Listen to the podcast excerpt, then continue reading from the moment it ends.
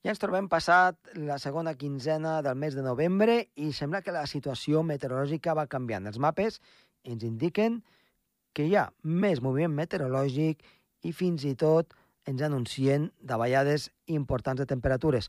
Esperem que això ens porti també la neu. Comença el torn.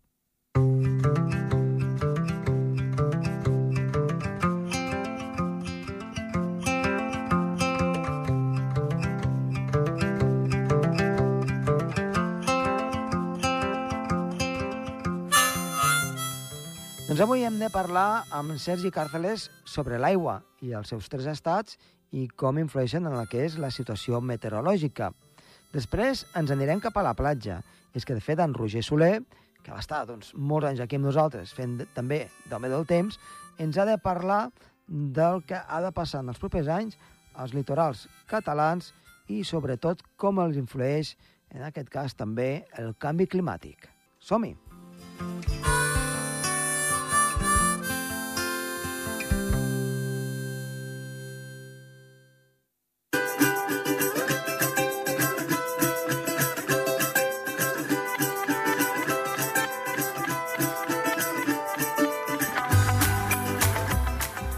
Programa i parlem amb Sergi Cáceres. Sergi, molt bona tarda.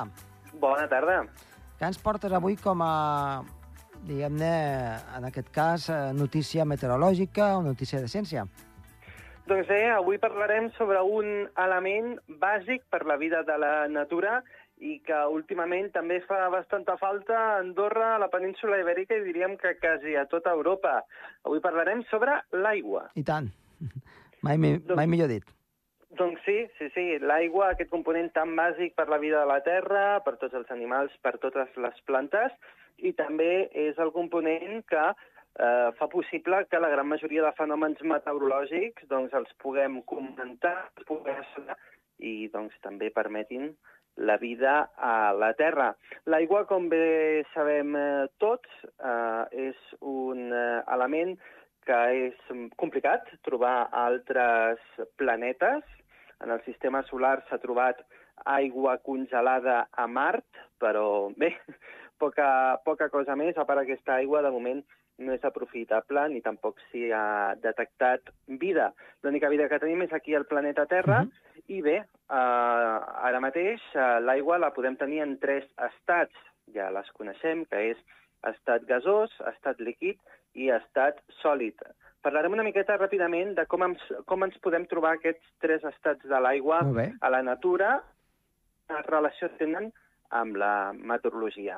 Primer començarem amb l'estat gasós, aquest estat en el que doncs, està en el, en el cel, està a la troposfera, i s'ha de dir que eh, molts cops es confon l'aigua en estat gasós amb el vapor d'aigua, i no és el mateix.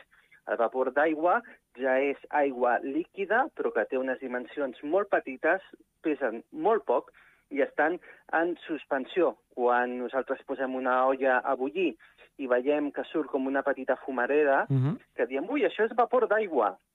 Sí que és veritat que és, uh, més que vapor d'aigua, és aigua ja líquida en suspensió. El vapor d'aigua no el podríem veure, com tampoc veiem ningú dels uh, els elements d'aire que hi ha al nostre voltant, l'hidrogen, el diòxid de carboni, l'oxigen, etc. no el podem veure a simple vista.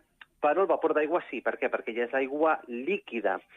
Aquesta aigua que està en suspensió, aquesta aigua en, en, en aquest element gasós, eh, doncs fa que eh, quan fa fred, aquesta aigua es comença a condensar Uh -huh. i llavors es converteix en aigua eh, líquida.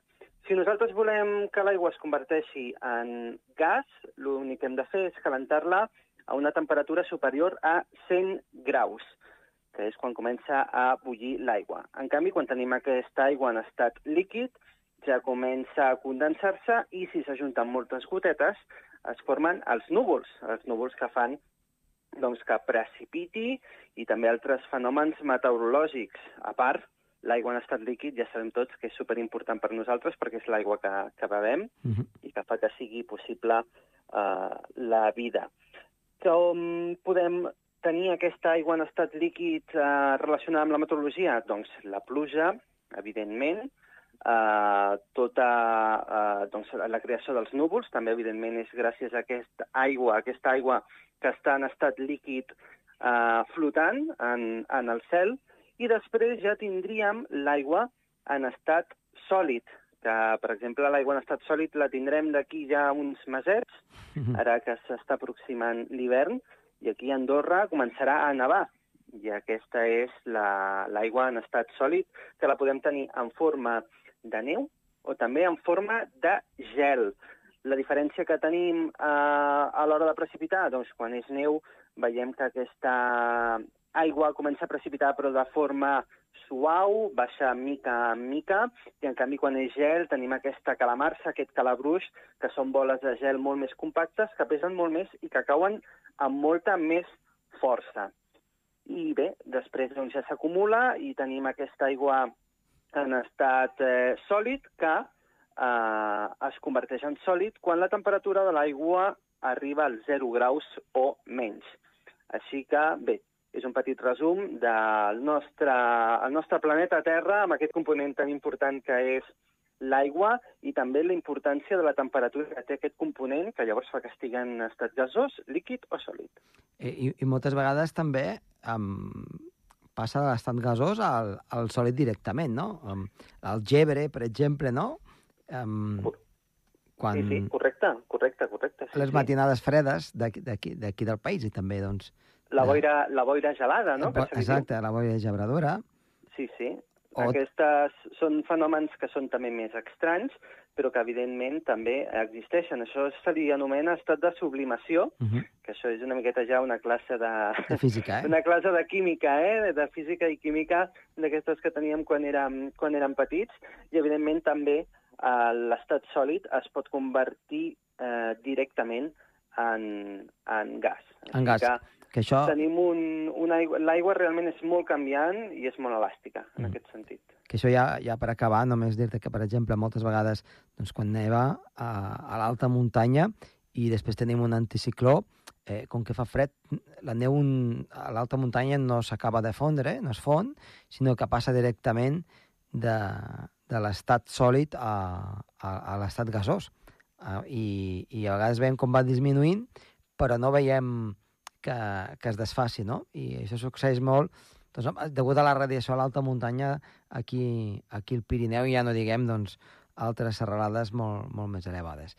Doncs, um, Sergi, moltíssimes gràcies avui pel teu apunt i t'esperem una propera vegada. I tant, adeu-siau. Adeu-siau.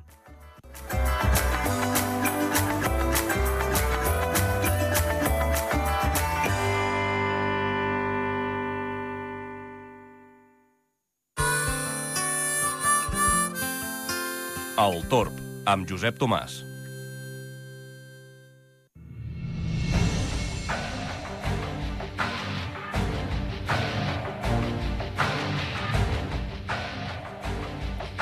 Avui tenim amb nosaltres, i ens fa molta il·lusió de nou, tenir el nostre col·laborador, abans molt més habitual, ara una mica menys, per les seves obligacions professionals, i el meteoròleg també, eh, Roger Soler. Roger, molt bona tarda. Bona tarda, com estem? Molt bé molt contents de que tornes a estar aquí amb nosaltres. I, Igualment. I avui doncs, ens parles d'un tema que és d'actualitat, que ha sigut d'actualitat ara fa uns dies, i també doncs, eh, d'una situació que s'està vivint a totes les costes mediterrànies, que crec que també ens interessa molt, encara que aquí estem a la muntanya, perquè eh, poc o molt ens incideix... Els andorrans també aneu a la platja, no? Sí, i a part, a part també és, un, és una cosa doncs, que ens afecta directament, que és el canvi climàtic, no, no, no hi ha més. Uh. Parlarem una mica de doncs, aquesta reducció de les platges de, del litoral mediterrani, en aquest cas doncs, centrada en el que és la zona de l'àrea metropolitana de, de Barcelona, no? Doncs sí, eh, de fet, un estudi de, de l'AMB, l'Àrea Metropolitana de Barcelona, l'administració pública, la tercera administració pública més important de Catalunya en pressupost que gestiona de manera integral i de manera sostenible eh, aquesta connexió dels espais naturals, aquesta conservació dels espais oberts eh, i les platges són una infraestructura importantíssima eh, en aquesta interrelació de tots els espais naturals metropolitans, doncs bé, un estudi confirma que les platges metropolitanes eh, poden retrocedir més de 20 metres en 30 anys si no s'actua amb un pla estructural de resiliència i eh, aquest ha sigut el darrer estudi, el darrer informe científic de l'AMB que coincideix precisament eh, amb la COP27 que s'està celebrant a Egipte, a Sharm el-Sheikh, eh, amb la, la trobada de tots els països de les Nacions Unides per posar fil a l'agulla i per fer un crit d'alerta sobre aquesta emergència climàtica. El Gutiérrez, el president de, de la ONU, afirmava no, que estem en un infierno climàtico. Doncs sí, efectivament, temperatures més a l'alça, però també fenòmens meteorològics més extrems i més adversos. Uh -huh. Uh, I precisament un, una de les conclusions d'aquests estudis de l'AMB és que uh, el canvi climàtic provoca o pot provocar temporals més forts, més intensos, més freqüents i, i, i més persistents al llarg de la temporada d'hivern. I tot això se li suma la, l'artificialització de la costa, és a dir, la superposició d'infraestructures com el port de Barcelona, el port del Masnou, o també um, el, la canalització artificial dels rius, com ara el riu Llobregat, um, provoquen un dèficit de sediments, un dèficit de sorra, perquè recordem que la xarxa hidrogràfica està connectada amb, diguéssim, uh, la xarxa de mars i oceans a causa del cicle, no? Els rius transporten sediments, transporten les sorres perquè van excavant al llarg del seu curs i això arriba al mar en forma de sediments, en forma de sorres, que afavoreix positivament la regeneració de les platges. Doncs bé, mhm. aquesta artificialització del nostre litoral, aquesta superposició d'infraestructures, venen a ser barreres, venen a ser, diguéssim, eh, pantalles que eviten o que provoquen una pèrdua d'aquests sediments, trenquen el funcionament natural de la regeneració de les platges. Exacte. I aquesta és una de les principals eh, conclusions, que es perden anualment 160.000 metres cúbics de sorra al delta del Llobregat, Llobregat. Per què? Doncs perquè hi ha el dic del riu Llobregat, quan es va fer, diguéssim, la canalització artificial. Aquest dic té 8 metres de profunditat i el que fa és retenir i atrapar literalment aquesta sorra, aquests sediments aportats pel riu Llobregat a la seva desembocadura. Roger, cur... eh, em, faig un petit parèntesis, eh? Sí, eh, els i tant, i tant. Els enginyers, eh, diguem-ne, eh, en aquest cas, eh, de ponts, estructures, camins, juntament amb els ambientòlegs doncs, que van fer aquest, eh, aquesta obra, no ho van pensar això, és que això és de calaix. Veient el que va passar, o que està passant, amb, amb els embassaments que hi ha riu amunt de l'Ebre. Exacte, molt bé. És a dir, tant els embassaments com aquesta canalització artificial de, dels rius provoquen estructures de formigó, estructures, diguéssim, de ciment que retenen o que trenquen, eh, en certa manera, Clar. aquesta dinàmica dels, dels sistemes naturals. No sé si ho van pensar o no en el seu moment, eh, ho hauríem fer per, per, per motius doncs, de, de millorar la seguretat o per evitar inundacions, però clar, evites inundacions, però per altra banda eh, trenques o eh, impedeixes que regenerin de forma natural eh, les platges a causa d'aquests sediments, perquè, com deia, aquests sediments queden atrapats al fons d'aquesta estructura de 8 metres de profunditat i les corrents marines, que ja ho hem explicat aquí al Mediterrani, eh, a la costa catalana, a Balears, van en general de nord-est cap al sud-oest i, clar, si queden atrapats a baix de tot, encara que faci un anys, encara que hi hagi vent, i aquests corrents marins no tenen la capacitat suficient com per fer pujar aquestes sorres i retroalimentar les platges, doncs, per exemple, del Prat, de Viladecans o de Castelldefels. Per tant, hi ha un dèficit estructural a la pèrdua de, de sediments. I també una altra cosa important, és la, les aportacions del Port de Barcelona. El Port de Barcelona té una llei, ha de complir una llei que es diu la DIA, la Declaració d'Impacte Ambiental, que el que diu aquesta llei és que ha de fer aportacions extraordinàries per compensar, diguéssim, uh, l'impacte ambiental que genera. Doncs bé, aquestes aportacions extraordinàries, quantificades en 100.000 metres cúbics anuals, són clarament insuficients, perquè fem la resta. Si es perden 160.000 metres cúbics ah. anuals i el port n'aporta 100.000, hi ha una pèrdua numèrica de 60.000 metres cúbics de sediments. Per uh mhm. -huh. tant, hi ha una regressió estructural d'aquestes platges. De tal manera que mm, aquests espais del litoral metropolità sud retrocedeixen de mitjana un metre anual i comptant que que aquests temporals s'han incrementat notablement des del 2017. Són més prematurs, com deia, més intensos, més freqüents i més llargs. Un altre punt, també, d'aquest estudi és la, la, el paper o el rol que juga el port del Masnou, que també fa de barrera de sediments que és negativa per la regeneració de, natural de les platges. I el transport de sediments en aquesta zona es quantifica entre 50 i 100.000 metres cúbics l'any que queden atrapats en aquesta estructura portuària. I això fa que no hi hagi portacions de sorra a les platges de Montgat, al Baix Maresme, en aquesta zona de, del nord de l'àrea metropolitana, de forma natural. Per tant, mm, són conclusions molt evidents, són conclusions um, que ens fan alarmar sobre aquesta regressió estructural de les platges i l'AMB en aquest estudi, en aquest informe, proposa una sèrie de solucions que en aquest, clar, en aquest cas aquestes actuacions estructurals a llarg termini les hauria d'aplicar el Ministeri per la Transició Ecològica i el, re, el reto demogràfic que depenen directament del govern espanyol. Solucions com quines? Doncs aportacions de sorra, però no una sorra qualsevol, una sorra amb granulometria adequada a les particularitats de cada platja per evitar que després mm. uh, el vent i els agents externs, com sí. l'onatge, uh, l'aire, les brises o, o la força de les onades,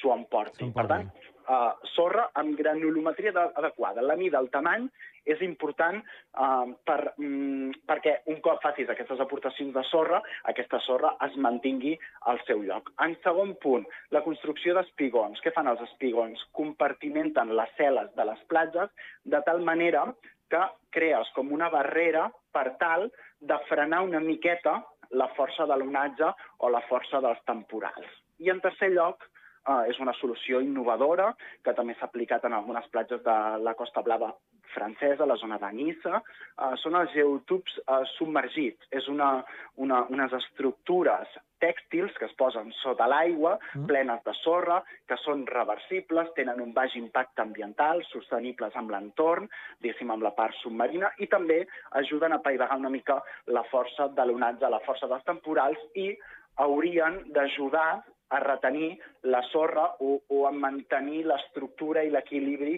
d'aquestes platges. Aquestes són algunes de les propostes que, que apareixen en aquest estudi per intentar una mica revertir la problemàtica estructural de la pèrdua de sorra. Eh, tu parles aquí també de, al cap i la fi, de, de que es perd gairebé un, un metre um, de, de mitjana anual de les platges de, del litoral, no? Sí, eh... el, del litoral metropolità sur es perden aproximadament un metre. I si mirem enrere, al llarg dels últims anys, s'han perdut el 20% de les platges de l'àrea metropolitana. No sé si els nostres oients han anat a la zona de Montgat, a la zona de Badalona. Hi ha algunes platges que pràcticament no tenen amplada, pràcticament no queda platja, Exacte. pràcticament arriba l'estructura del tren i les estructures de, de formigons, aquelles típiques de les costes, uh mhm. -huh. pràcticament l'onatge arriba allà. Clar, llavors eh, això té els dies comptats, no? Podríem dir, aquestes platges? Si no hi ha aquesta, aquesta voluntat o aquesta, aquestes mesures estructurals, eh, tant d'aportacions, però després que aquestes sorres quedi les platges, més els geotubs, més totes aquestes sèries d'actuacions que hem anat explicant, mm. la resta de platges que encara es mantenen una mica, tot i la regressió, també tenen el perill de desaparèixer. Per tant, podríem afirmar que les platges metropolitanes es troben a la UCI, igual que moltes altres platges i molts altres punts de la, de la costa mediterrània, però sobretot al litoral de Barcelona, degut a la seva artificialització d'aquestes infraestructures, Clar. encara eh, és més greu no, el problema aquest estructural.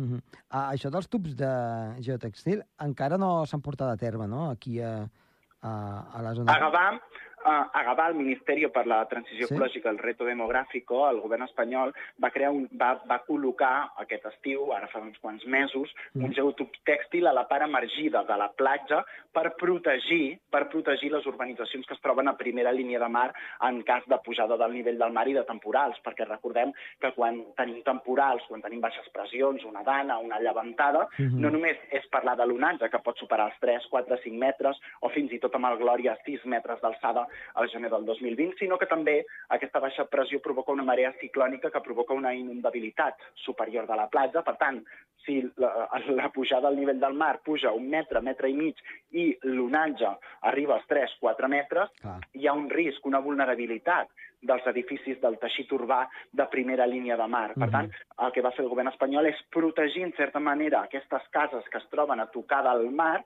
amb aquest geotub tèxtil que es troba, diguéssim, una mica enfonsat a la sorra i està recobert per la sorra i pels sistemes dunars, per les dunes metropolitanes, eh, per protegir una mica, en certa manera, Mhm. doncs, aquestes edificacions de primera línia de mar. I, I està tenint uh, una... O sigui, la situació que s'ha creat és, és favorable o, o encara no Bueno, clar, dades? enca encara no ho sabem perquè Eh? d'ençà l'estiu no No hi ha hagut cap de temporal temporal. fort en aquest Exacte. sentit. Exacte, s'haurà d'avaluar, probablement s'haurà de fer un monitoratge al llarg d'aquest hivern per veure l'eficàcia eh, d'aquesta estructura. Uh -huh. Tu quin, quin penses que ha de ser la, la situació pel futur?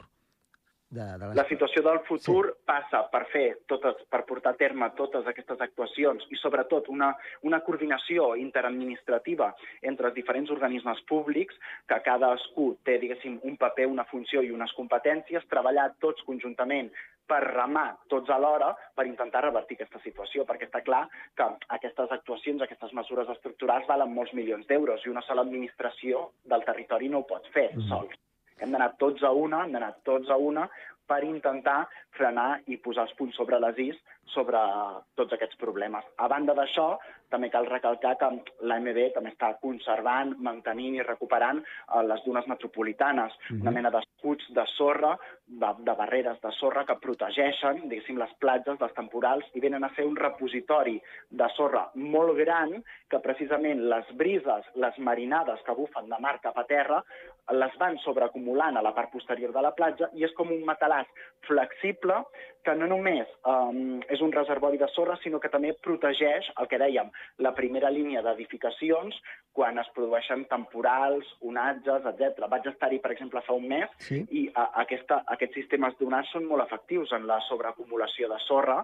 Uh, havia pujat, me, hi havia més d'un metre i mig d'acumulació de sorra. Per tant, ja tens com una mena de barrera, com una mena de- d'escut, que en cas de temporal o en cas d'onatge, doncs, en certa manera, protegeix i després uh, es produeix una regeneració natural perquè les brises de mar cap a terra, quan un cop passi el temporal i passin unes setmanes, tornen a acumular la sorra. Per Mhm. tant, és una solució basada en la natura que més aporta qualitat paisatgística, aporta biodiversitat i eh, aporta sobretot una solució davant d'aquests temporals. I a part recuperar una mica el que hi havia antigament, abans de que hi hagués, doncs, eh, diguem-ne...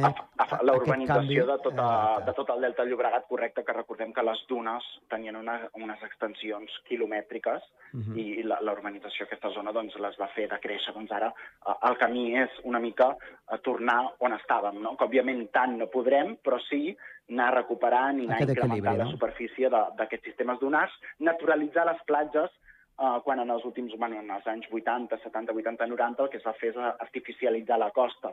I, per tant, no és només canvi climàtic, Clar. sinó també Exacte. és aquestes infraestructures i, aquesta, i aquest urbanisme que ha construït, eh, diguéssim, ha, ha guanyat terreny al mar, hem guanyat terreny als rius i hem guanyat terreny als barrancs, no? Uh -huh.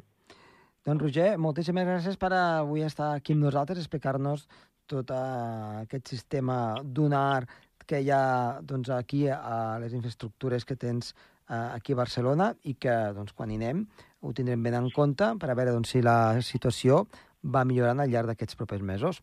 Moltes gràcies Molt i fins la propera. Un plaer, fins la Vinga, propera. abraçada.